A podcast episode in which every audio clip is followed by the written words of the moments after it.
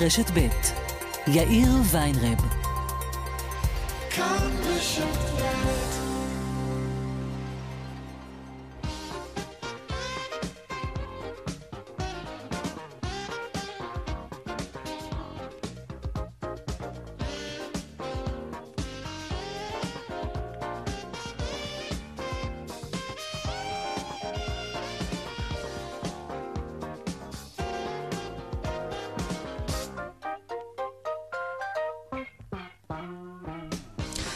ארבע וארבע דקות ועוד חמישים וחמש שניות, כאן צבע הכסף ברשת ב', תוכנית שלישית השבוע, שלום רב לכם. בשעה הקרובה נעסוק בהסלמה בדרום כמובן, אבל גם מהזווית הכלכלית, מהו מקום עבודה חיוני? מקומות שעובדיהם בניגוד לאחרים התבקשו להגיע היום לעבודה, למרות המצב הביטחוני. איך נדע אם מקום העבודה שלנו חיוני, והאם זה בהכרח רק חברות כמו אה, חברת החשמל נגיד? מה עם מרכולים, בנקים? בתי מרקחת, ומה לגבי עובדים שלא הלכו היום לעבודה, אם בגלל שהם לא עובדים במקום עבודה שהוא חיוני, או מתוך בחירה. הילדים שלהם למשל נשארו בבית. על חשבון מי זה במקרים כאלה? כאן צבע הכסף, מעכשיו עד חמש, העורך רונן פולק, מפיק צבע הכסף אביגל בשור, הטכנאי הלל רוט, אני יאיר ויינרה בדואל שלנו, כסף כרוכית כאן.org.il, אפשר ליצור קשר גם בדף הפייסבוק המעולה שלנו, כאן ב', מיד מתחילים.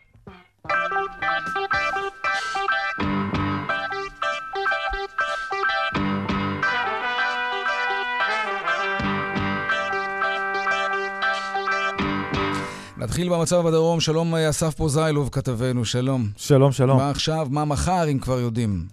לא, לגבי מחר עדיין לא יודעים, זה רק uh, יותר מאוחר uh, הערב או אפילו בלילה. Uh, בינתיים uh, אין uh, שינוי uh, uh, מבחינת הירי משעות הבוקר, uh, מ-11 השעות האחרונות, יותר מ-170 רקטות. הירי הזה נמשך, אבל הטווח הצטמצם בשעות האחרונות, mm-hmm. והירי הוא רק... אה, על עוטף עזה. המספרים של הרקטות גם אה, התמעטו. ייתכן שזה בגלל אה, תקיפות צה"ל שמתחדשות ממש כעת שוב, עוד סבב של תקיפות בעזה, אה, וזו כמובן רק מגמה מהשעות האחרונות שיכולה אה, גם אה, כמובן להשתנות, אבל בינתיים בשעות האחרונות ירי רק על אזור עוטף עזה. זה התחיל, אני מזכיר, בחמש בבוקר עם ירי לגדרה ולראשון לציון, ציונה, אחר כך תל אביב, אשקלון ואשדוד לא מעט, ואחר כך זה יצטמצם בעיקר על נתיבות ועל עוטף עזה. יש פגיעה בשעה האחרונה בבית באשכול, אבל פגיעה עם נזק מועט מאוד וללא נפגעים. בכלל, בכל היום הזה עד כה, ונקווה שכך זה ימשיך, יחסית מעט מאוד פגיעות אה, בתוך אה, אזורים מיושבים או פגיעות ישירות אה, בבתים, ומעט מאוד פצועים אה, יחסית. יש רק פצועים אה, קל, מעט מאוד שנפצעו אה, מרסיסים. כל השאר אה, בגלל כן. ריצות אה, למרחבים הממוגנים. עכשיו, זו תוכנית אה, כלכלית, והבשורה הכלכלית-ביטחונית היום היא של שר הפנים דרעי, שהכריז שהוא הולך להכניס את אשקלון לרשימת היישובים שנכללים בהגדרה עוטף עזה. זה לא קורה מיד, נכון? מדובר באיזושהי הצהרה שצריך נכון. לראות אם היא תתקיים באמת. נכון, זה עדיין רק ברמת ההבטחה, אבל uh, uh, גם ברמה הצהרתית, עצם זה שההצהרה הזאת כבר ניתנה אחרי שנים שבאשקלון מבקשים את זה, מבקשים אפילו רק הצהרה, זה כבר איזשהו uh, צעד, צריך לקרות אם הוא יקרה ומתי הוא יקרה, ואם הוא יקרה יש לזה השלכות כלכליות לא מבוטלות בכלל. Uh, זה כולל גם הטבות מס לכלל תושבי אשקלון, ברגע שאשקלון uh, תיכנס... להיכנס אה, להגדרה של עוטף עזה, וגם תקציבים אה, גדולים מאוד אה, לעירייה. ויש עוד בשורה כלכלית היום, כלכלית ביטחונית. זו ההסלמה הראשונה בעצם שבה מופסקים הלימודים ברדיוס כל כך גדול, mm-hmm. ומיד... אה, עוד לפני שמתחילה אה, הסלמה, המדינה הודיעה בבוקר, אה, עוד לפני 6 בבוקר, שאין לימודים בערים מרובות ברחבי הארץ. תל אביב כבר הודיעה ב-6 בבוקר שאין אה, לימודים, וגם אה, הייתה הודעה, ת, תעסקו בזה בהמשך, לאנשים שעובדים במפעלים חיוניים לא כן. לא להגיע לעבודה. בהחלט. עכשיו, מה, מה המשמעות הכלכלית של כל הדברים האלה? ויש משמעות כלכלית כבר עשרה חודשים. מאז נכנסו אה, תקנות של שר האוצר ועברו אה, בוועדת הכספים, כל מי שנאמר לו לא להגיע למקום העבודה יקבל שכר על יום מלא, וגם אה, הורים לילדים מתחת לגיל 14 שבוטלו להם הלימודים, ואנחנו מדברים על אה, אה, מאות אלפים כאלה, גם הם יקבלו שכר.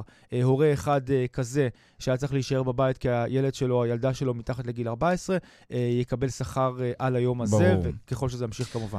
אסף רוזיילוב, כתבנו כן. בדרום, תודה רבה על העדכון הזה. תודה. ושלום לכרמלה מנשה, כתבתנו לענייני צבא. שלום אה, רב. כן, צה"ל ממשיך לתקוף יעדים של ארגון הג'יהאד האיסלאמי ברצועת עזה. כן, מה הלאה? רב.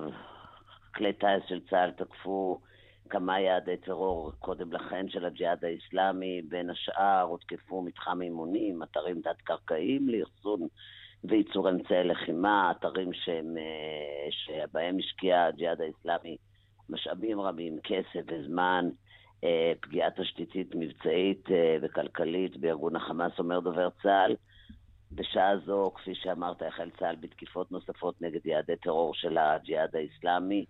שר הביטחון, אה, נפתלי בנט, קיבל את המלצת הדרגים המקצועיים והכריז על מצב מיוחד בעורף ביישובים הנמצאים בטווח שבין 0 ל-80 קילומטרים מהרצועה. ההכרזה תקפה ל-48 שעות, אלא אם כן היא בוטלה לפני כן על ידי הממשלה או על ידי שר הביטחון. השר יכול להאריך את תוקפה של ההכרזה באישור הממשלה על ידי משאל טלפוני אה, בין ה, אה, של השר.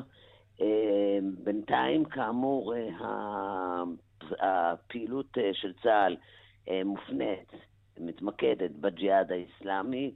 החמאס אה, בינתיים אה, איננו מעורב, וזו השאלה המרכזית. אם החמאס אה, ימשיך, אה, לא, לא, לא יתערב, לא ת, ת, ת, תימשך ההפרדה בין הג'יהאד לחמאס, כן. לחמאס, וזו השאלה המרכזית, אם, ימש, אם זה יימשך ויצליחו לבדל בין שניהם. כן, כרמל מנשה, כתבתנו לענייני צבא, תודה רבה על העדכון הזה. תודה.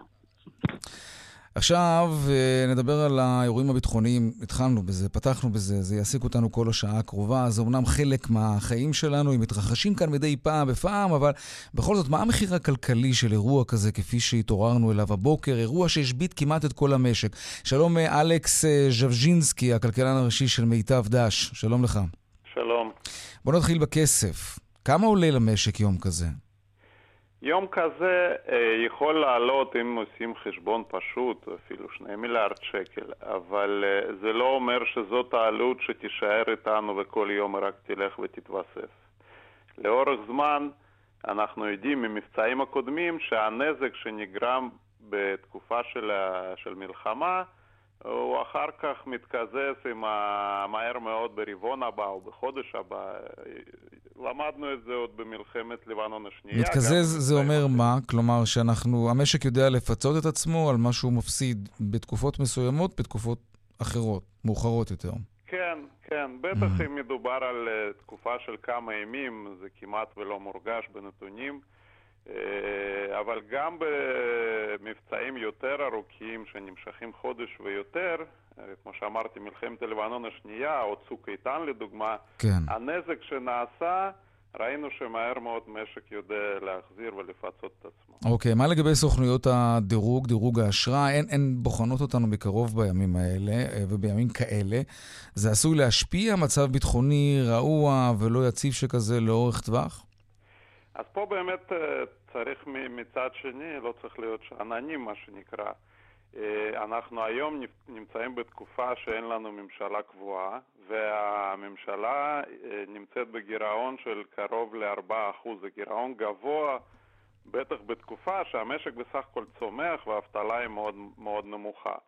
ואם המבצע הזה יימשך הרבה זמן ויעלה כמובן כסף לקופת המדינה, פה אנחנו אולי נוכל לראות חברות הדירוג מתעוררות, מתעוררות כן. ואולי נותנות איזושהי אזהרה קודם.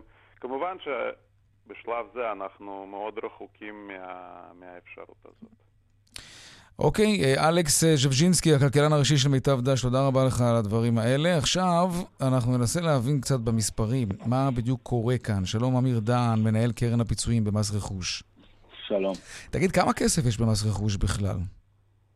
קרן הפיצויים אה, צוברת 25% מכל מס רכישה שמשולם למדינה, בקרן היום יש מעל 10 מיליארד שקלים, mm-hmm.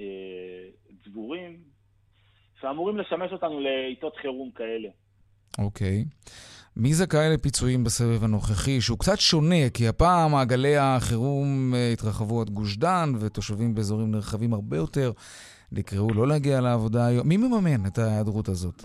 בוא, אני אעשה קצת סדר. קודם כל, בשלב הראשון יש את הנזק הישיר. אנחנו לא מדברים רק על הנזקים העקיפים, כל הנזקים הישירים מטופלים על ידי הצוותים שלנו שנמצאים מהבוקר בשטח. תגדיר נזק ישיר, אתה מתכוון לרכוש שנפגע? כן, אוקיי. במבנים עסקיים, במבנים פרטיים, ברכבים.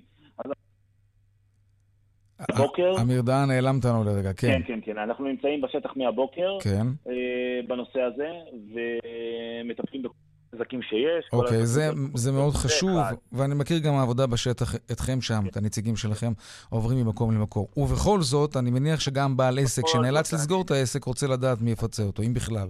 הסבבי לחימה, לצערי, היומיים או דו-יומיים, אני לא יודע איך האירוע הזה התפתח, כבר התחילו בשנת 2018. ובעקבות הסבבים האלה שהיו כל פעם, אם זה היה במאי 2018, במרץ 2018, ואחרי זה באוקטובר ובאוגוסט ובכל החודשים, התקנו תקנות הוראת שעה שנתנו פתרון לכל ה-40 קילומטר ברצועת עזה לנושא השכר. בעצם בתקנות הוראת השעה שאמורות להסתיים ב-31 ל-12 2019, שבעצם נותן פתרון ב-40 קילומטר כבר היום אה, לנושא השכר, יש שם אה, שני נושאים. אה, אם סגרו את העסק, אז כל עובדים זכאים לקבל שכר מהמעסיק, והמעסיק זכאי לתבוע מאיתנו. ואם יש רק הנחיה שלא לפתוח בתי ספר, אז uh, כל הורה שנאלץ לשמור על הילד שלו שהוא מתחת לגיל 14, עוד פעם, זכאי לקבל מהמעסיק כסף, והמעסיק זכאי לתבוע אותנו, ואפילו okay. אוקיי. זה, זה סגור בהסכם קיבוצי, צו הרחבה, שזה, אם המעסיק לא משלם... רגע, אמיר, אתה, אתה פשוט נעלם לנו כל רגע. יש, יש סיכוי שתצליח באופן מיידי, כן. אה, זה כן. עדיין קיים? לא יודע, חשבתי שזה כבר לא העניין הזה שמתקשרים אליך ואז זה מתנדב. תגיד, בוא ניקח דוגמה קצת אמ, מתוחכמת. נגיד עובד שגר בתל אביב, אבל העבודה שלו היא באזור השרון. הוא מחליט לא ללכת לעבודה כי הוא לא רוצה לצאת מהבית כשיש מצב כזה, או שהוא רוצה להישאר עם הילדים בבית כי הם לא הלכו לבית הספר. מה קורה במקרה כזה? קודם כל, אה, כרגע התקנות הקיימות נותנות פתרון לעסקים שנמצאים עד 40 קילומטר מרצועת עזה. כל ההנחיות ההתגוננות אה, שניתנו מעבר לטווח של ה-40 שניתנו היום, אה, כרגע, לפי התקנות הקיימות, אין להם מענה לפיצוי. יחד עם זאת, אני מניח שהממשלה אה, תפעל ותבדוק את הנושא הזה בהמשך ותקבל החלטות, אבל אני חושב שאנחנו כרגע, בסופו של דבר, זה היום הראשון, אנחנו צריכים טיפה להמתין ולראות איך, איך האירוע מתפתח mm-hmm. אה, כדי לק, לקבל החלטות יותר מזה. ובעצם, אנחנו כרגע מתעסקים בצד שלנו יותר אה, בנזק הישיר. אחרי זה, נטפל גם בנזק העקיף. הנזק העקיף כרגע, יש לו פתרון ל-40 קילומטר. אני לא יודע איך זה יתפתח לגבי המרכז, okay. אוקיי. ואיזה פתרון תיתן הממשלה. טוב, בואו נתמקד במה שיש. איך פונים אליכם בכלל? נגיד בעל עסק קטן שלא פתח את העסק שלו, ספר שלא פתח את המספרה, איך הוא פונה אליכם? קודם כל, לגבי ה-40 קילומטר יש אה, הוראת ביצוע בתוך אתר רשות המיסים וטלפונים, וכולם שם יודעים... נכנסים לאתר האינטרנט של רשות המיסים. בדיוק, יש שם את כל ההנחיות, כל ההסברים, הכל עלה לאתר, הכל קיים כבר באתר. אוקיי, אני מקווה שזה ידידותי. מאוד ידידותי. יש אנשים, ואני ביניהם, שרואה טופסיאדה, זה מתחילים להתגרד. כמה פניות קיבלתם עד עכשיו? היום? כן. היום יש פניות רק בנזקים ישירים. כן, אה, כמה פניות כאלה קיבלתם עד עכשיו? לא הרבה. היום, לשמחתנו, כיפת ברזל עושה עבודה מדהימה. אה, כמות הנזקים היא לא כזאת גדולה כמו שאנחנו מכירים בירי של 160 רקטות. אה, יש לנו קרוב ל-50 תביעות כרגע אה, מטופלות, חלקם פגיעות ישירות, שדאגנו לדיור חלופי ופינינו את המשפחה לבית מלון אה, וכל מיני דברים כאלה. זה הפתרון שאנחנו צריכים לתת עכשיו. שיישאר ככה. כן. אמיר דהן, מנהל קרן הפיצויים במס רכוש, לגבי כל היתר, מעבר לפגיעות הישירות, אנחנו נראה איך הדברים יתפתחו, אנחנו נמשיך לעקוב אחרי זה, אבל בכל זאת היינו רוצים לדעת איך זה צפוי להיראות. אמיר דהן, מנהל קרן הפיצויים במס רכוש, תודה רבה לך. תודה רבה. אז ככה, טוב, מקום עבודה חיוני. העובדים בגוש דן התבקשו היום לא להגיע למקומות העבודה, למעט עובדים שמקום העבודה שלהם נחשב חיוני. מה זה אומר? אה, חברת חשמל, אוקיי, מה עוד? שלום אה, עורך הדין עמית גרוס, הוא מומחה לדיני עבודה. עמית גרוס? כן, כן, שלום. כן, שלום לך. איך אני יודע, אה, עם כל חוסר הוודאות הזה, וההמולה, והאזעקות, שאני דווקא מאלה שצריכים להגיע לעבודה. שמעתי היום הרבה אנשים שלא, שהיו מאוד מבולבלים. הם, הם אפילו במקום העבודה שלהם לא תמיד ידעו להגיד להם אם לבוא או לא. כל, רוב, ה, רוב העסקים לא מצויים בגדר, בגדר חוק שירות עבודה בשעת חירום. כל מי שהוגדר ככזה, עמית, סליחה שאני קוטע אותך, יש מצב שאתה משפר מעט את איכות הקו שלך? אתה נשמע פשוט קצת מרוחק. ננסה... או, הרבה יותר טוב. יותר טוב? כן, בוודאי. אוקיי. אז אנחנו מדברים על מקומות עבודה חיוניים, אתה אומר שרוב העסקים, רוב החברות, רוב מקומות העבודה לא מוגדרים ככה. ומי שכן, בטח יודע, אמור לדעת לפחות. אמור לדעת, כי מדובר, לדוגמה, מה זה שירותים קיומיים? שירותים קיומיים זה אספקת מים, אספקת מזון, אספקת כן. חשמל, שור, כמובן, בריאות, שירותי אשפוז, בתי חולים, תבורה. אני חושב שמי ש... מי שיודע, מי שנמצא בגדר אותם, אותם שירותים חיוניים יודע את זה, ולאפרופו העסקים, אפרופו השיחה הקודמת שדיברת, רוב העסקים לא נמצאים שם, בטח לא העסק הקטן שנפגע כתוצאה מכל, מכל היום הזה וממה שאולי עתיד לבוא לנו. אוקיי, okay. אם אני עובד במקום כזה, מקום עבודה חיוני, אבל בגלל שהילדים שלי לא בבית הספר, אה, כי הייתה הנחיה לא לשלוח אותם לשם, אני לא רוצה להשאיר אותם לבד בבית במציאות כזאת. אני בוחר שלא ללכת. האם יש לי את הזכות הזאת, למרות שאני עובד במקום עבודה חיוני? זהו שלא, לא, לא, אין לא? לך את הזכות הזו, והדבר הזה, זו שאלה אחת מיני רבות שעולות וצצות בדיוק בימים כאלה. לצערנו, יש פה פגיעה כלכלית. הרי מי שייסע בה, או העובד, או המעסיק, או המדינה, בדרך כלל הדברים האלה אמורים להיקבע או בחוק, או בהסכם קיבוצי, או בצו הרחבה, או בהסכם אישור במשהו. במקרה, במקרה הזה, במקרים האלה, לצערנו אגב, בטח לא דיני עבודה לא, לא, לא מסדירים מצב כזה של כוח עליון, וגם החקיקה קיימת. חוץ מהתייחסות לאיזושהי תקופה ספציפית ב-2006 במסגרת חוק הגנה על עובדים בשעת חירום, mm-hmm. אין שום התייחסות חקיקתית לנושא הזה. חבל. אז, כן. חבל מאוד. כן, אתה פשוט נעלם לנו, עורך הדין עמית גרוס, אנחנו נאלץ להפסיק את השיחה, איכות הקו פשוט לא טובה. עמית גרוס, עורך הדין עמית גרוס, מומחה לדיני עבודה, תודה רבה. תודה רבה. טוב, עכשיו אנחנו אומרים שלום לאלוף משנה גילי שנהר מפיקוד העורף, מה שלומך? בסדר, יאיר. ספר לנו מה קורה עכשיו מבחינת ההנחיות לתושבים, מה צפוי מחר, אם כבר יודעים. קודם כל, ההנחיות שלנו הן בתוקף, הן ללא שינוי. הדבר הכי משמעותי ברגע זה, זה אם שומעים אזעקה, להיכנס למרחבים המוגנים למשך עשר דקות. ישנם אזורים שבהם שקט יחסית בשעות האחרונות, וזה לא מבטיח שבעוד דקות בודדות או עוד כמה שעות לא יהיה ירי נוסף או ירי מסיבי או איזשהו מטח גדול. לכן מה שחשוב הוא להמשיך להקפיד להנחיות שאנחנו נותנים, בהישמע אזעקה להיכנס למרחבים המוגנים, לדעת בדיוק איפה המרחבים המוגנים שלנו ולהיכנס אליהם בשעת האזעקה למשך עשר דקות, לא לצאת החוצה, לא להתקהל אה, בשעת האזעקה, וכמובן לא לצאת לראות את היירוטים או לצלם אותם ולהעביר אותם הלאה, זה פשוט מיותר. לגבי uh, מחר אנחנו כבר יודעים אם ההיערכות תהיה דומה, לימודים, עסקים פתוחים. מתקיימת הערכת מצב uh, הערב, אנחנו לקראת השעה שמונה. Mm-hmm. פחות או יותר ניתן הנחיות למחר, אבל המצב הוא נזיל ויכול להיות שיהיו שינויים, ולכן הכי טוב לומר לציבור גם על הבוקר מוקדם, להקשיב.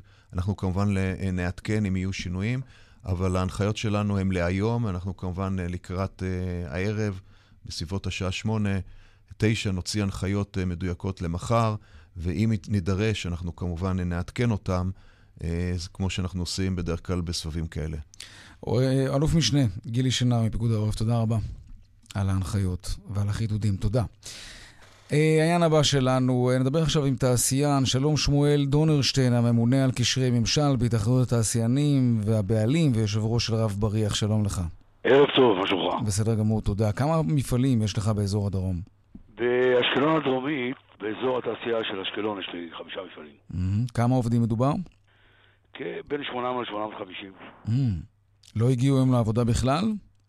היום, אה, תראה, אנחנו 12 שנה נמצאים במציאות שהיום זה לא, זה לא חריג. היינו כאן במלחמה של 50 יום, היינו אה, ב...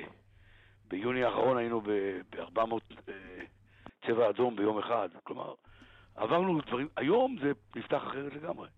היום אה, העובדים כבר בשש בבוקר שמעו בבית, שכבר בתל אביב אין בתי ספר. Mm-hmm.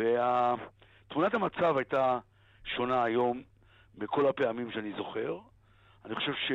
אני בטוח שבסיבה אה, מוצדקת, אבל אה, הנוכחות היום ירדה, ירדה מ-50 אחוז. Mm-hmm.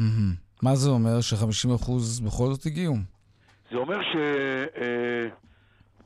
מותר להם? מותר לך לפתוח את שערי המפעל כשיש הנחיות ברורות כאלה? אנחנו שוחחנו עם המשטרה ואמרו לנו שבכל... יש לנו 13 בניינים באזור התעשייה הדרומי, ואמרו לנו שאם זו התקהלות שנמוכה מ-85 איש mm-hmm. בבניין, אוקיי. אפשר להמשיך. אוקיי. יש לנו, אני רוצה להזכיר לך משהו, שחלק גדול מאוד מהעובדים שלנו שגרים בשכונות הדרומיות של אשקלון, אין להם בבית מרחב מוגן. אהה. ו... אז במידה רבה אולי עדיף להם לבוא לעבודה. זה כל כך כן. ציני, זה כל כך כואב. ממש. אבל נכון. ועל זה אני חושב שצריך לעשות אייטם בפני עצמו.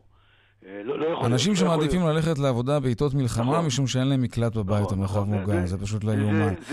בכל תגיד, שפה שהיית מספר את זה. כן, כן? זה נשמע כמו חלם. נכון, נכון. תגיד, יום כזה, כמה עולה לך כשמחצית מהמפעל נשאר בבית?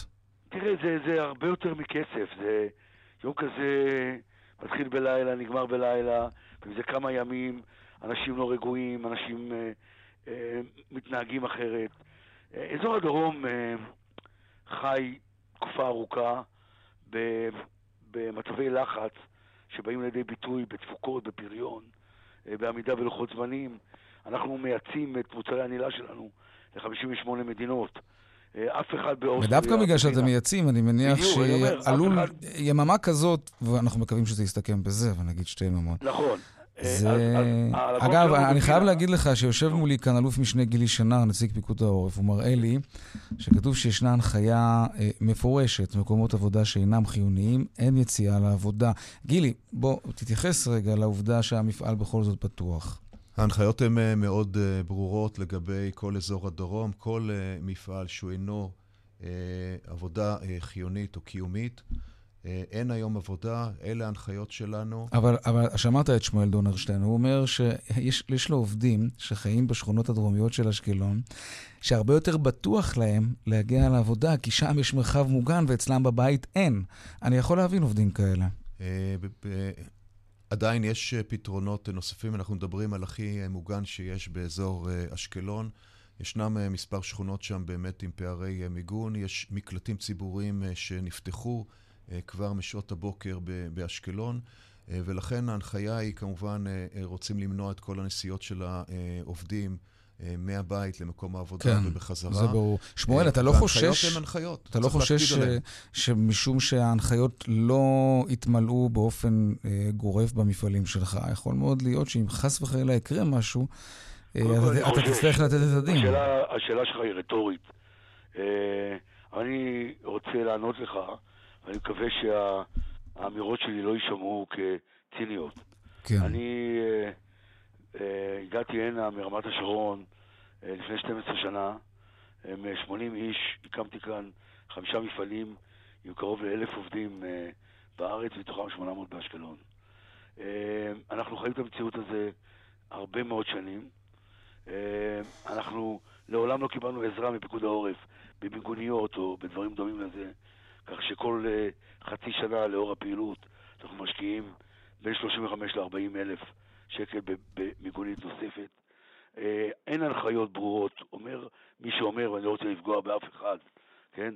שיש, אני לא מבין uh, איזשהו וואטסאפ שמגיע בבוקר ממקום כזה או אוקיי. אחר, או הודעה כן. מה זה חיוני, מה זה לא חיוני. אנשים כבר בדרך, אנשים כבר הגיעו.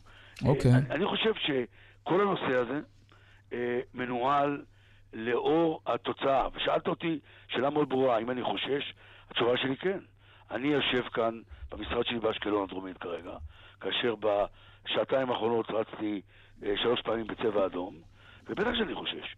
אני רואה... אי אפשר שלא, כן. ברור. שמואל. אז, אז לגבי החשש, ברור לך שזה מציאות, וברור לך שאני מתמודד עם זה הרבה מעבר להנחיה כזו או אחרת. כן. יש לי אנשים שעובדים אצלי, אה, זו משפחה אחת גדולה. אה, אבל אני חוזר ואומר, היום בשש וחצי בבוקר הגיעו אלה אנשים לעבודה, אה, יותר מאוחר הגיעה הנה המשטרה, ואמרה לנו בצורה מפורשת שבמקום שאנחנו לא מתקהלים מעבר ל-85 איש, אוקיי. ואנשים נמצאים כבר במפעל, כן? כן? שמואל דונרשטיין.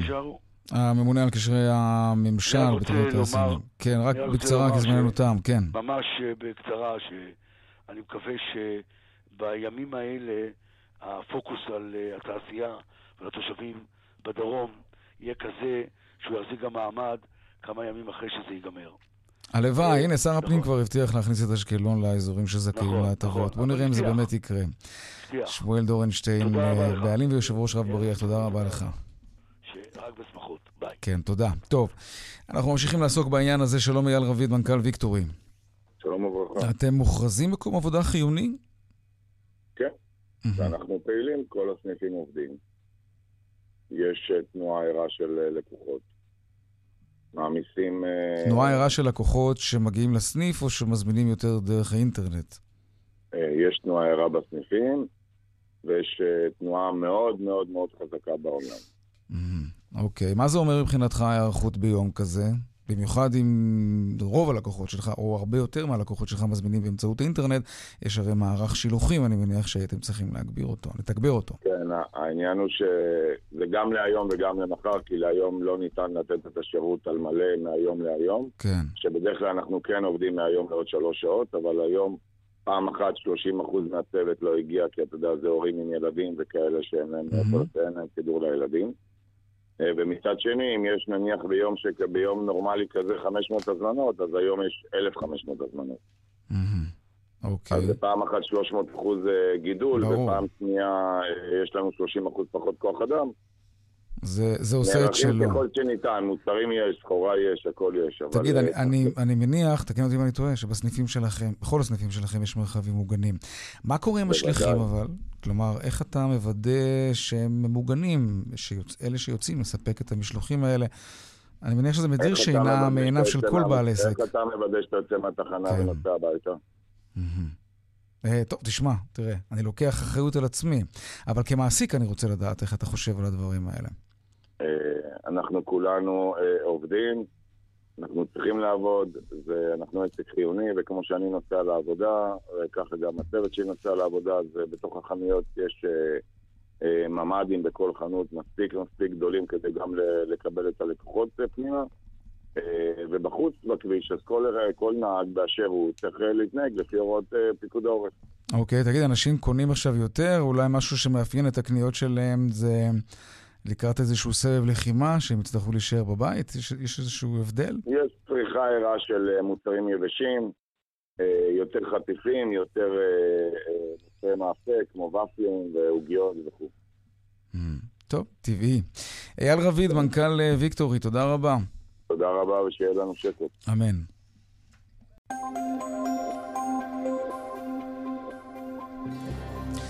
בדרום בשל המצב הביטחוני נחסמו לתנועה בשני הכיוונים הדרכים האלה, דרך 4 מצומת זיקים עד נתיב העשרה ודרך 34 מצומת יד מרדכי עד שדרות, מערבה דרך 232 מצומת שער הנגב ודרך 25 מצומת נתיבות, כמו כן הופסקה תנועת הרכבות מאשקלון דרומה.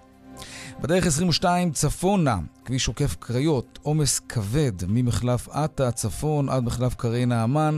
דיווחים נוספים בכאן מוקד התנועה, כוכבי 9550 ובאתר שלנו, אתר תאגיד, אתר כאן, פרסומות ומיד חוזרים. 36 דקות אחרי השעה 4, שר הביטחון בנט הרחיב את מצב החירום מ-40 קילומטרים ל-80 קילומטרים. אלוף משנה גילי שנע מפיקוד העורף. ההכרזה היא אה, מצב אה, מיוחד בעורף, היא נותנת אה, סמכויות נוספות לפיקוד העורף, לצה"ל, לכוחות הביטחון. יחד עם זה, ההנחיות שלנו הן בתוקף, ללא שינוי. בכל אותם אזורים שהגדרנו. כלומר, אבל מה שהגדרתם ל-40 קילומטרים נכונים עכשיו לא, לא, לטווח של 80 קילומטרים? הגדרות כפי שהגדרנו לגבי יציאה לעבודה, לימודים שכבר מזמן הסתיימו, אבל לא היו לימודים. ולגבי התקהלויות, ההגדרות שהגדרנו הן בתוקף, הן ללא שינוי. בתוקף ל-40 קילומטרים? לא, לא, הגדרנו אותם בכל אזור בהתאם. אוקיי. אה, אלה הנחיות שיאפשרו גם, אתה מדבר, עוסק אחר כך בפיצויים ודברים נוספים, הם נותנים הרבה כן. מאוד, אה, הרבה מאוד אה, הגדרות אחר כך חוקיות במדינה.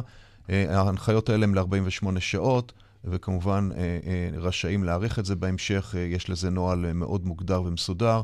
זה מקנה סמכויות. אה, נוספות אה, שניתן אה, להשתמש בהן בשעת חירום. אוקיי, גילי, תודה. עכשיו נעסוק בסימון מוצרים ישראליים שיוצרו מעבר לקו הירוק, נושא שככה נעלם קצת בזמן האחרון. בית הדין של האיחוד האירופי קבע במפורש שמוצרים מיהודה ושומרון, מרמת הגולן, מזרח ירושלים, המוצרים האלה יסומנו. ההחלטה התקבלה בעקבות עתירה של יקב פסגות נגד החלטה קודמת של האיחוד בעניין הזה. שלום יעקב ברג, בעלים ומנכ"ל יקב פסגות, שלום לך. צהריים טובים. תודה, גם לך. יותר טובים. כן, כן, בהחלט. זה הרי לא עניין חדש. האיחוד האירופי החליט לסמן מוצרים, בין היתר שלכם, של אחרים, כבר לפני כמה שנים. Um, עד כמה השנים האלה היו קשות לכם ביקב פסגות? עד כמה הסימון של המוצרים פגע בייצוא שלכם, בהכנסות שלכם? ההחלטה, היא, ההחלטה התקבלה באיחוד האירופי כבר ב-2015, כמו שציינת, זה נכון. אה, אנחנו עתרנו בצרפת, אה, בית הדין הצרפתי העליון בצרפת כן. הורה לא לבצע את ההחלטה, ובעצם ההחלטה היום היא של בית הדין אה, של האיחוד האירופי, שקבע שההחלטה המקורית שלהם אה, בעינה עומדת והיא חוקית. כמה זה פוגע בכם כלכלית? זו שאלה טובה, אבל uh, בוודאי שהמטרה היא לפגוע בנו כלכלית. Uh, האם כמה הם יצליחו, זו שאלה כמה אנחנו לא, אני מניח אבל שאתה יכול לומר, אני מניח שאתה נלחם בזה, אז אני מניח שאתה נפגע. מעניין אותי לדעת, אני מניח שגם את המאזינים. יצאתם למלחמה זה... כזאת, עד כמה כן. זה באמת פוגע בכם, ולמה למשל לא לחפש אולי שווקים אחרים? לא רוצים. אז הם מפסידים, כי היין שלכם מצוין. אז למה לא למכור למקום... עד כמה, בקיצור, החרם הזה, לא, זה לא בדיוק חרם, אבל סימון המוצרים במדינות האיחוד האירופי פוגע בך כלכלית. אה, אני, אנחנו כמובן נראה בזמן הקרוב. אני, אני חוזר ואומר שהמטרה היא כמובן, המטרה המוצרת היא לפגוע אה, בנו כלכלית. אה, ואני מניח שאם לא נעשה כלום ניפגע כלכלית, ולכן אנחנו צריכים להילחם את זה בכל, בכל אפשרות. אה, אני חושב שבתור יהודי אה, ישראלי גאה, כן. אנחנו לא מוכנים ולא ניתן שיסמנו אותנו. Mm-hmm. הדבר הזה מזכיר דברים שאנחנו כולנו היינו רוצים לשכוח.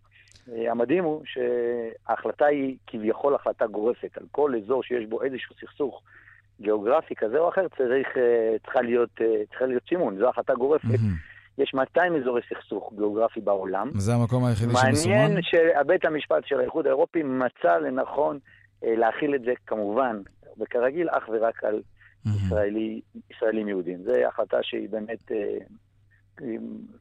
במיוחד ביום כזה, אה, אני חושב... ברור. אה, היא, תגיד, היא... יכול להיות שאולי בעצם גרמתם להפוך על הפוך? כלומר, עצם העתירה שלכם העלתה את זה שוב לסדר היום, משך תשומת לב. עכשיו, יהיה קשה עוד יותר ממקודם לייצא יין, וחברות אחרות גם הן יתקשו למכור שם את המוצרים שלהם.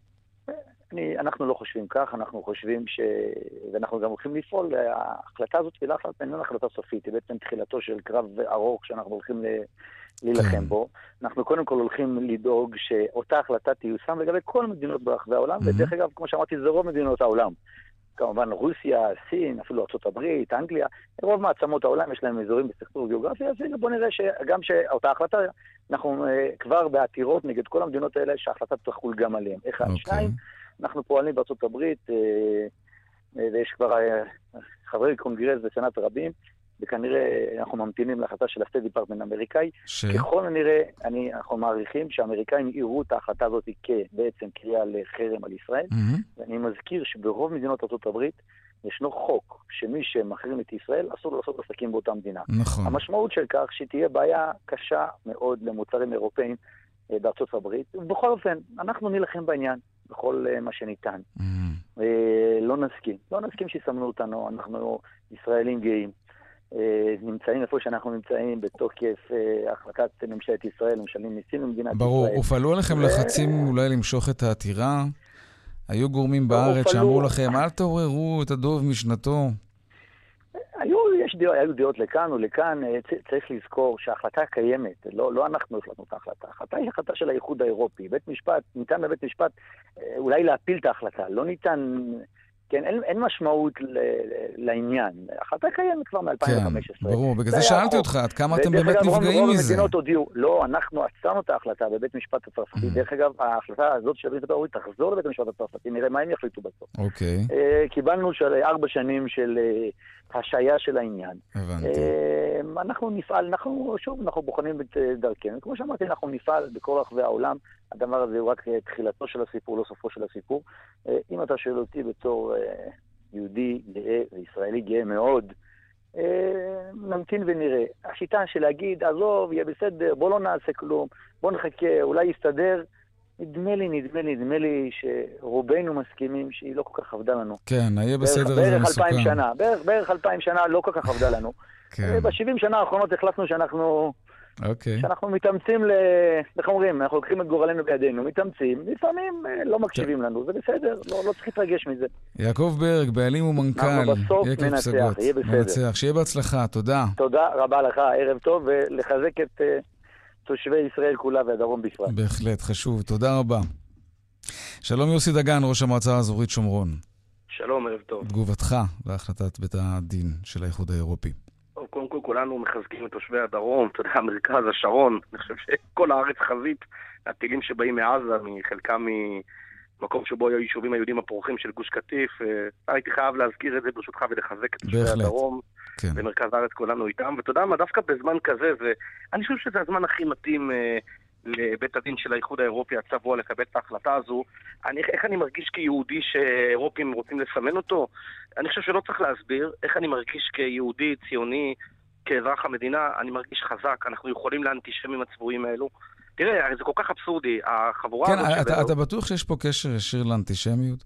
אולי, אולי בעצם האיחוד, כן, אני- זו לא- זאת לא דעתי, אבל אני מנסה לייצג את הצד השני, כי אין פה נציג של האיחוד האירופי. יכול להיות אה, שמה שהם בעצם מנסים לבוא ולהגיד, מדובר באזורים שנכבשו. יש שם שני מיליון פלסטינים, אולי יותר, שחיים ללא הגדרה עצמית. לידם מאות אלפי יהודים שהם חלק ממדינה חזקה, עשירה, משגשגת.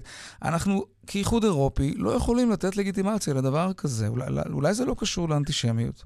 אני חושב שזה, אה, אה, אותן אמירות שיגידו לך אנשים כאלו באיחוד האירופי, אה, אני חושב שהן צבועות משתי סיבות. סיבה אחת, למה? אנחנו לא רואים אותם מתערבים באזורי סכסוך שבאמת יש פגיעה בזכויות אדם ונרצחים אנשים בעשרות אלפים או מאות אלפים. לא רואים אותם מת- מטילים, מטילים אה, סימוני מוצרים וחרמות ו-BDSים על כן, סוריה. יעקב ברג הזכיר את זה. נכון, אוקיי. כן, זה, זה ברור, לכן הכל צביעות אחת גדולה. אבל מצד שני, יש עיצומים כלכליים על רוסיה, כן? יש עיצומים כלכליים גם במדינות אחרות שפועלות במיליטנטיות יתר באזורי סכסוך. זה מביא אותי לנקודה השנייה. תראה, אני נפגש המון עם חברי פרלמנט אירופים ועם גורמים באיחוד האירופי, חלקם טובים, חלקם רעים. אה, יש שם הרבה אוכלי חינם כאלה, אנשים שדוחפים את האף לכל מיני מקומות בעולם, כן. בעיקר אגב אצלנו, כי אנחנו דמוקרטיה, וכאן לא, לא, לא יעצרו אותם ויעלימו אותם אם יגיעו. אוקיי. אז זה כיף לבוא לכאן. טוב שכך. אגב, כן. כן, ברור שכך. אה, לכן הם גם באים, יש גם מחיר לדמוקרטיה. נכון. באזור התעשייה ברקן לדוגמה, שהמשרד שלי יושב בו, אה, יש בו 8,000 פועלים, מחציתם יהודים, מחציתם ערבים מהרשות הפלסטינית. כמה, בכמה עובדים אדונים- מדובר? כמה עובדים פלסטינים מתפרנסים מהעבודה בתעשייה הישראלית עשרות בשומרון? אלפים שהם נהנים מכל תנאי העבודה הישראלים, כל חוקי המדינה חלים עליהם, וזה האבסורד הכי גדול, כי אותם אה, גורמים באיחוד האירופי, בעצם פוגעים בהם, אתה אומר.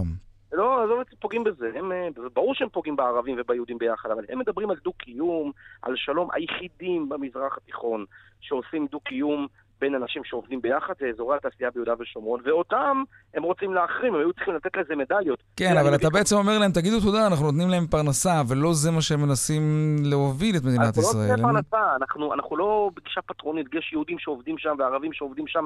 האזור היחיד שמקיים את מה שאותם אוכלי חינם מהאיחוד האירופי, אותם פקידים ובירוקרטורים, שאין להם מושג מה קורה כאן, ואלה שיודעים הם ממשיכים בצביעותם, אה, באים להטיף מוסר, הם מדברים על שלום, על דו-קיום. אם יש מישהו שעושה את זה, זה אזורי התעשייה הללו שבהם עובדים ביחד יהודים וערבים ומכירים איש את רעהו כל כך הרבה שנים מאז אוסלו שהם מדברים ומדברים, יש כאלה כן. שעושים. אבל אתה אומר שאתה רוצה- נפגש עם הרבה חברי פרלמנט אירופי, אז כשאתה אומר להם, תשמעו, אתם פוגעים גם ביהודים כמובן, אבל גם בעשרות אלפי עובדים, אלפי עובדים פלסטינים באותם אזורי תעשייה.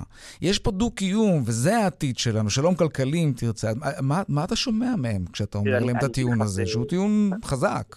תשמע, זה מדהים, אני מביא, אנחנו עושים המון סיורים בשומרון, יש לנו גם פרויקט שלם עם המרכז לנושאים אסטרטגיים, משרד לנושאים אסטרטגיים של גלעד ארדן, מביאים אותם לסיורים, באים אליהם, ואני תמיד עושה להם אותו תרגיל, מכניס אותם למפעל. כן. הם הסתובבו לבד, פוגשים יהודים וערבים עובדים ביחד ליד אותה מכונה, מרוויחים אותה משכורת, יוצאים החוצה, אומרים לי, תשמע, זה החזון שלנו, שלום כלכלי. אני אומר, אתם יודעים, דרך אגב, by the way, זה המפעלים שאתם רוצים לסמן ולהחרים. אז אתה יודע מה הם אומרים לי? כן, מה? לא יכול להיות. לא מאמינים. תגיד, תגיד, אבל הסימון הזה, בואו בוא נדבר רגע לגופו של עניין. תגיד, הצרכן אה, הצרפתי, אה, הבלגי, הפולני, לא משנה מי, נכנס לסופרמרקט, זה באמת מעניין אותו, הוא מסתכל מאחורה לראות מי ייצר את זה, איפה ייצרו את זה, את מי זה בכלל מעניין? למה אנחנו מעוררים את הדוב הזה? משנת, משנת החורף העמוקה שלו, כבר כמה שנים שבקושי מדברים על הדבר הזה. מה זה משנה? אתה. הסתכלת פעם לראות איפה מייצרים משהו, אלא אם כן, אתה יודע, חיפשת איזה כתית זיתים יוצא דופן. כן, כשרות, כן. כן, או כשרות כמובן, כן. אה, אתה מה- יודע, אני, אני אומר לך, אמ, אה, אני חושב שהסיפור הוא בכלל לא הסיפור הכלכלי בהקשר הזה. אה, עובדה שבמשך 15 שנה הרבה מאוד ארגוני שמאל קיצוני, אגב, לצערי ישראלים, בדרך כלל מובילים ומוליכים את כל נושא החרמות, והאירופאים... דמוקרטיה, אמרנו, טוב שכך, כן. כן, כן, דמוקרטיה, טוב כן. שכך, אבל גם בדמוקרטיה צריך לציין שזה נורא ואיום. אני אומר אה, שמה שהם עושים זה מותר לפי החוק, אבל זה אגב חוק אחר. עזוב, לא ניכנס לדיון המשפטי, אוקיי. יש הרבה מה לומר, אבל... זמננו מתקצר, אז בקצרה ברשותך, כן. אותם, ודאי, אותם ארגוני שמאל קיצוני ישראלים שמשכנעים ארגוני שמאל קיצוני באיחוד האירופי ומייצרים דברים, הם לא פוגעים בכלכלה, כי עובדה שאזורי התעשייה פורחים. מה הם כן פוגעים, וזה הכי חשוב וזה הכי חמור, הם פוגעים בריבונות מדינת ישראל ופוגעים בשם שלה. זאת אומרת, מנסים לייצר את התדמית של דרום אפריקה, של האפרטהייד של פעם, בשעה שכמו שאמרתי, האזור היחיד שיש דו-קיום זה כאן. ו- והדבר הזה הוא הפגיעה המרכזית, הפגיעה בשמה של מדינת ישראל, בחוסנה של המדינה, בריבונותה של המדינה, בכבודה של המדינה, ועל זה צריך להילחם. בנושא הכלכלי אני רוצה לומר לך, גם כאזרח וכראש המועצה האזורית שומרון, אנחנו רק מתחזקים. יש תור כל שבוע, מגיעים אליי בעלי מפעלים שמנסים להיכנס לאזור התעשייה ברקן ואין להם מקום. יש לנו 20 ומשהו מפעלים שממתינים כרגע בתור, וזה קבוע ככה כבר מהמם. שנים. אוקיי. כלומר, הבעיה היא נזק למדינת ישראל כולה, ולכן מדינת ישראל צריכה לפעול כנגד אותה אנטישמיות שמתחפשת לאנטי-ישראליות. יוסי דגן, ראש המועצה האזורית שומרון, תודה על הדברים. תודה, ערב טוב.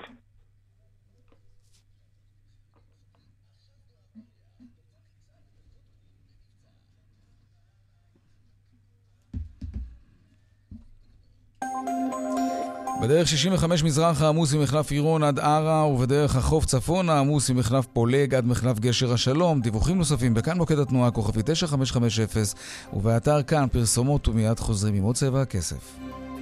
שמונה דקות לפני השעה חמש, אנחנו עם האצבע על הדופק כמובן, עוקבים מקרוב אחרי מה שקורה בדרום ובכלל, במידה ויהיו עדכונים אנחנו נביא לכם אותם מיד. בינתיים, לעדכון היומי משוקי הכספים, הנה. 200, take 'em.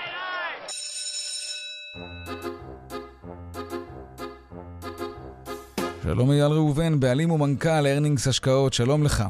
שלום, שלום יאיר. כן, איך החיסולים והטילים וסגירת הדרום והמרכז השפיעו על המסחר היום בבורסה, אם בכלל?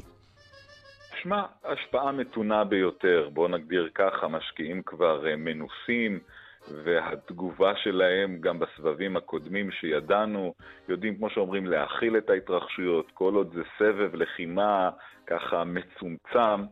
אה, לא נראה שזה משפיע יותר מדי על המסחר. ראינו בעבר שגם כשזה לא היה כזה מצומצם, זה לא ממש טלטל את השווקים הרבה מאוד פעמים. איך אתה מסביר את זה? תשמע, בסופו של יום ההשפעה של זה על הכלכלה הישראלית, על הפעילות הכלכלית, על הייצוא, היא השפעה מאוד מוגבלת, היא השפעה מאוד צרה. הימים האלה אחרי זה מסתיימים, המשק יודע בעצם להשלים את הפיגור שנוצר, יודע להדביק את הפער שנוצר, ולכן כל עוד מדובר בסבבים טקטיים, בלחימה מצומצמת, ההשפעה של זה בראיית מקרו על הכלכלה היא השפעה מאוד מצומצמת. יש טקטית בימי המסחר שינויים כאלו ואחרים, אבל על הכלכלה של מדינת ישראל, שברובה מוטט ייצוא, כן. כל עוד זה מוגבל, זה לא משפיע מדי. אוקיי, מה עוד? תשמע, אז אצלנו אנחנו רואים ירידות של אה, כשתי עשיריות האחוז, תל אביב 35, גם 125, גם ה-SME 60, אלה פחות או יותר המספרים. אנחנו רואים קצת ירידות באגרות החוב הקונצרניים וקצת ירידות בממשלתי. אנחנו באים ברקע של מגמה חיובית בעולם, גם בשוק האירופאי, אנחנו רואים את כל המדדים עולים. אה, בדקס מגיע עד ל-0.8, גם במזרח המסחר חיובי וגם הניקי היפני מגיע כמעט לאחוז היום. אנחנו פותחים כרגע מסחר בארצות הברית מפתיחת מסחר יציבה, כאשר האוזניים יהיו כרויות לנאום של טראמפ היום. אלו דברים שקצת יותר משפיעים. היום הוא עשוי לדבר על כן. מדיניות הסחר, מה קורה, לאן הולכים בנושא מלחמת הסחר עם סין ועם אירופה, זה כנראה משפיע יותר. סך הכל בעולם מומנטום חיובי, אצלנו מומנטום mm. שלילי קל, השפעה קטנה על המטח. הדולר והאירו התחזקו מול השקל, דולר בשלוש עשיריות האחוז לשלושה שקלים חמישים אגורות, והאירו עלה בשתי עשיריות האחוז לשלושה שקלים שמונים ושש אגורות. אייל ראובן, בעלים ומנכ"ל ארנינגס השקעות, תודה רבה. תודה, יאיר. ערב טוב. שלום שירה הדס נקר, כתבתנו. שירה הדס נקר? או, הנה שירה הדס נקר. כן, בעיתות מלחמה אנחנו רצים כן, מאולפן לאולפן. רק בדרך כלל לא על נושאים אה, כאלה, אבל גם זה קורה, אתה יודע. כן, אז מה, גיהצנו פחות היום. אה, חברות האשראי מדווחות אה, דיווח דרמטי ממש. כן, קנינו פחות. קנינו הרבה פחות, הישראלים, אתה יודע, מן הסתם, בגלל הוראות פיקוד העורף, נשארו בבית, חלק ממרכזי הקניות לא נפתחו, כולל באזור המרכז, מה שהביא, אתה יודע, לירידה של 10% בהוצאות של הישראלים בכרטיסי אשראי, לעומת יום שלישי שעבר, אתה יודע, יום אה, שלישי דומה, אלה הנתונים שאנחנו מקבלים מחברת שווה. חברת שווה היא החברה שמעניקה שירותי uh, בנק uh, אוטומטי, והיא בעצם מפעילה את uh, כל מערכות התשלומים הלאומיות. זאת חברה לאומית, העובדים שלה מוגדרים כעובדים חיוניים, לכן הם אה, עבדו היום. אנחנו מדברים על יריד, ירידה של עשרה אחוזים, mm. כולל, אתה יודע, בשעות שנחשבות השעות, השעות שעות השיא, כן. כן, השעות העמוסות, אנשים נשארו בבית. דיווח קצרצר, יצא חרוז. תודה רבה. תודה רבה. עד כאן צבע הכסף ליום שלישי היום, כן, העורך רונן פולק, מפיק צבע הכסף אביגל בשור, טכנאי אליל רוט, הצוות בבאר שבע, אורית שולץ ושמעון דוקרקר, במוקד התנועה אהוד כהן, בדיגיטל אני כהן, הדואל שלנו, כסף כרוכית כאן.org.il, אני יאיר ויינרב, מיד אחרינו כאן הערב עם רן בנימיני וקרן אוזן. ערב טוב ושקט, הלוואי שיהיה לנו שלום שלום.